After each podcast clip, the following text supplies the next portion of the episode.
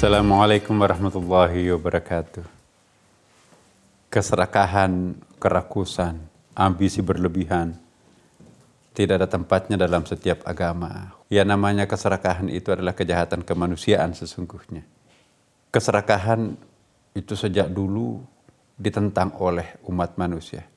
Saint Augustine, seorang filosof Yunani, pernah mengatakan bahwa keserakahan itu ada tiga macam.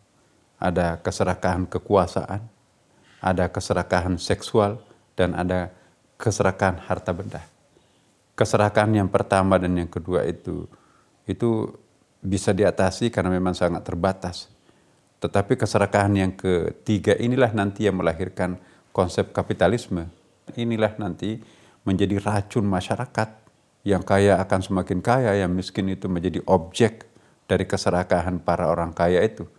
Oleh karena itu, bagaimana menyelamatkan umat manusia dari keserakahan ini?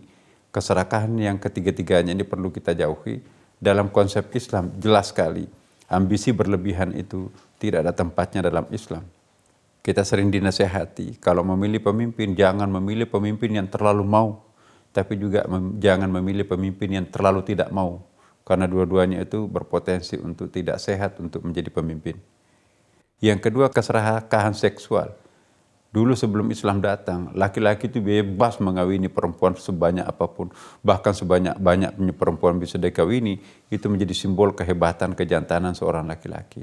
Islam datang, gak boleh lebih dari tiga orang. Ya, itu pun juga kalau ingin poligami, syaratnya amat amat amat sangat ketat itu pun juga sesungguhnya adalah pintu darurat. Jadi keserakahan politik, keserakahan seksual itu dipagari di dalam Al-Quran dalam Islam. Nah keserakahan dalam harta ini kita harus hati-hati karena kita nggak boleh melarang orang kaya. Silahkan kaya tapi menempuh cara-cara yang wajar.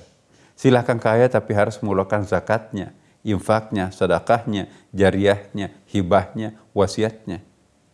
Jadi ada ada banyak pintu-pintu pengeluaran kalau orang itu memiliki kekayaan yang banyak. Orang kaya yang tidak pernah melakukan pengeluaran terhadap orang-orang yang membutuhkan itu nanti akan berpotensi menciptakan ketidakadilan dan kedaliman di dalam masyarakat.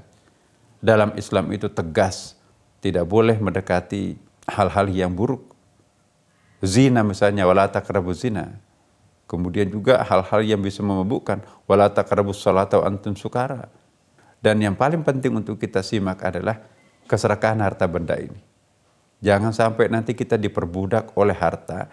Karena itu semuanya saya menghimbau pada diri saya dan keluarga saya dan kita semuanya. Hati-hati kita mengumpul harta benda. Jangan sampai nanti ada hartanya orang ikut tergerus makan dan menikmati harta orang.